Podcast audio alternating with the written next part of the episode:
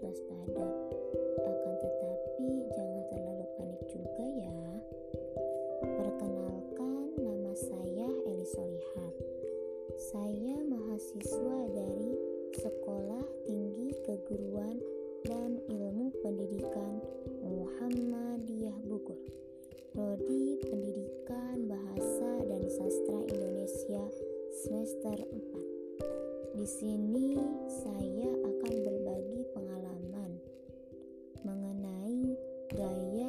sederhana dengan cara memulai usaha kecil-kecilan.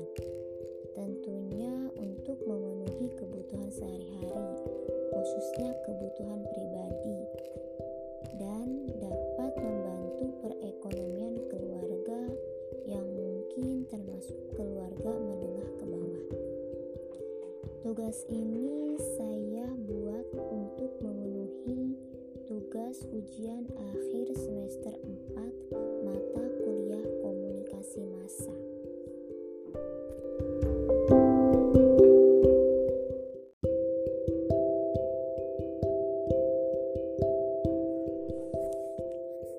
Berbicara tentang gaya hidup, tentunya semua orang menginginkan gaya hidup yang mewah, apalagi di zaman sekarang ini, baik dari segi pakaian, makanan, kebiasaan, dan lain-lain.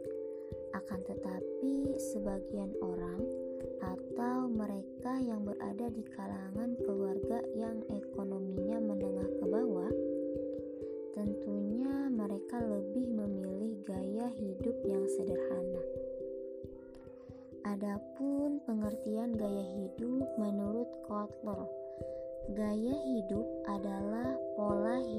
seseorang di dunia yang diekspresikan dalam aktivitas, minat, dan opininya. Gaya hidup menggambarkan keseluruhan diri seseorang dalam berinteraksi dengan lingkungannya. Secara umum dapat diartikan sebagai suatu gaya hidup yang dikenali dengan bagaimana orang menghabiskan waktunya dengan aktivitasnya. Apa yang penting orang pertimbangkan pada lingkungannya, yaitu minat, dan apa yang orang pikirkan tentang diri sendiri dan dunia sekitar, yaitu opini. Nah, itu hanya satu yang saya ambil menurut Kotler. Teman-teman bisa cari referensi berbagai sumber ya. Berhubung saya berasal dari keluarga yang ekonominya menengah ke bawah, Ya, saya pribadi selalu berpikir keras bagaimana sih caranya agar mendapatkan uang, agar bisa memenuhi kebutuhan hidup sendiri. Ya, meskipun uang jajan selalu diberi orang tua. Memenuhi kebutuhan sekolah, jajan, kebutuhan sehari-hari, dan menghasilkan uang sendiri tanpa harus bergantung kepada orang tua. Ya, Memang usia anak sekolah atau mahasiswa masih menjadi tanggung jawab orang tua.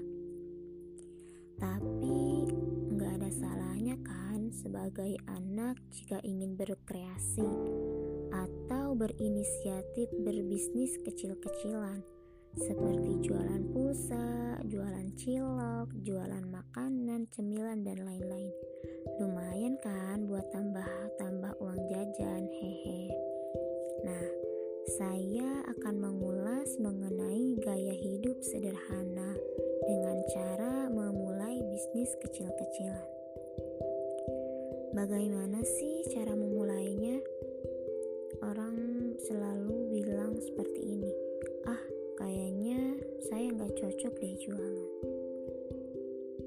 juga bukan orang berjiwa bisnis loh.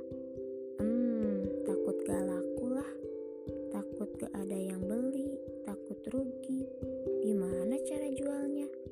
Gimana cara memperhitungkan untung ruginya? Dan masih banyak lagi bla bla bla bla. Nah, teman-teman jangan bingung ya saya akan berbagi tips agar teman-teman yang ingin memulai usaha akan tetapi harus dari mana dan bagaimana cara memulainya.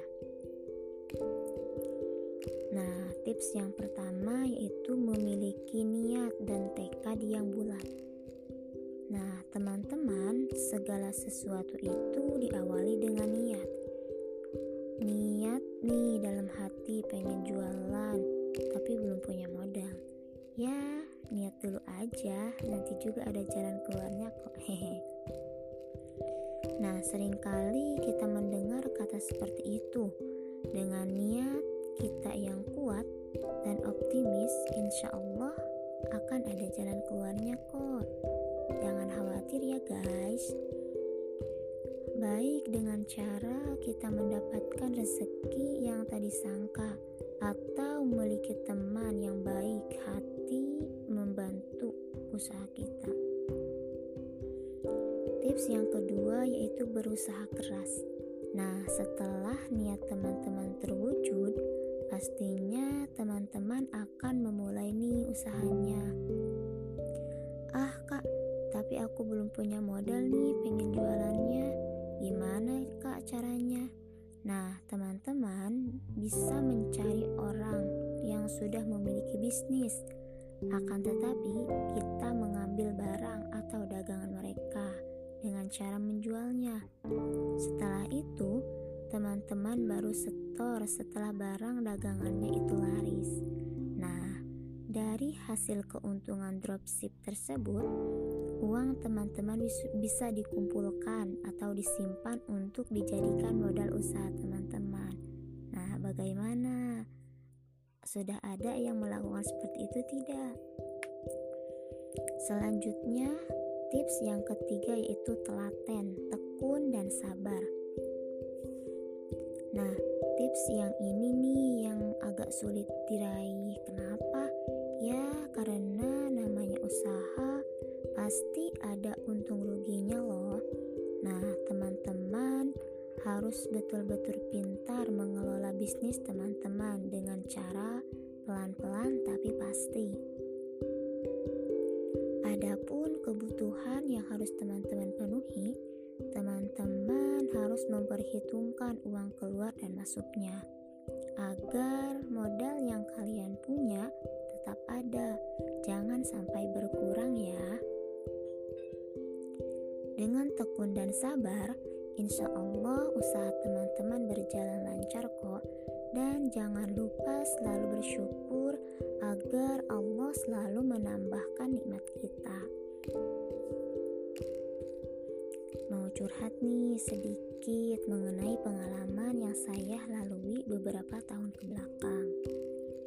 Likaliku kehidupan memang sangat mengajarkan kepada saya apa arti hidup yang sebenarnya. Melakukan bisnis yaitu waktu saya masih duduk di bangku SMP kelas 9. Awalnya mungkin agak terpaksa karena melihat ekonomi keluarga yang sedang terpuruk. Saya diajak oleh teman berjualan pulsa elektrik dengan bermodalkan HP jadul.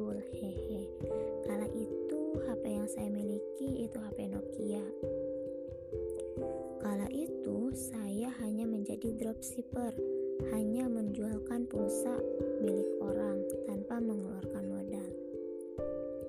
Alhamdulillah, dengan hasil itu saya memenuhi kebutuhan pribadi, seperti menambah uang jajan, uang ongkos, dan bisa juga menabung. Singkat cerita, saya beranjak ke bangku kelas 1 SMA yang pastinya mengeluarkan akan lebih besar daripada waktu SMP dulu. Usaha yang saya rintis kala itu masih berjualan pulsa, tapi alhamdulillah sudah memiliki modal sendiri dan bisa belanja sendiri. Tak hanya itu saja usaha yang saya jalani, melainkan sambil berjualan kerupuk makaroni, keripik singkong, jagung goreng, kacang goreng dan pisang coklat dibawa ke sekolah. Target pasar saya ya teman-teman kelas. Berjalan satu tahun, alhamdulillah ya lancar. Namanya jualan, pasti ada hambatannya. Tapi saya selalu optimis dan percaya diri. Saya pasti bisa. I can. Saya pasti bisa. Dari tahun ke tahun sampai saya di bangku kelas 12 SMA. Saya tidak berhenti berjualan pulsa dan cemilan anak sekolah. Lumayan kan keuntungannya bisa buat bayaran SPP, menabung, memenuhi tugas sekolah, dan jajan sehari-hari. Singkat cerita, lulus dari SMA, saya melanjutkan pendidikan ke jenjang yang lebih tinggi nih. Dan alhamdulillah sekarang saya sudah berada di perkuliahan STKIP Muhammadiyah Bogor semester 4. Alhamdulillah ya guys. Tidak mengurangi rasa semangat saya untuk terus berusaha melanjutkan bisnis saya yaitu berjualan pulsa. Akan tetapi setelah masuk kuliah, saya tak lagi berjualan cemilan melainkan menjadi dropshipper baju, sepatu, kerudung, shopcase HP dengan cara online shop. Media yang saya pakai yaitu melalui media sosial seperti WhatsApp, Facebook, dan IG.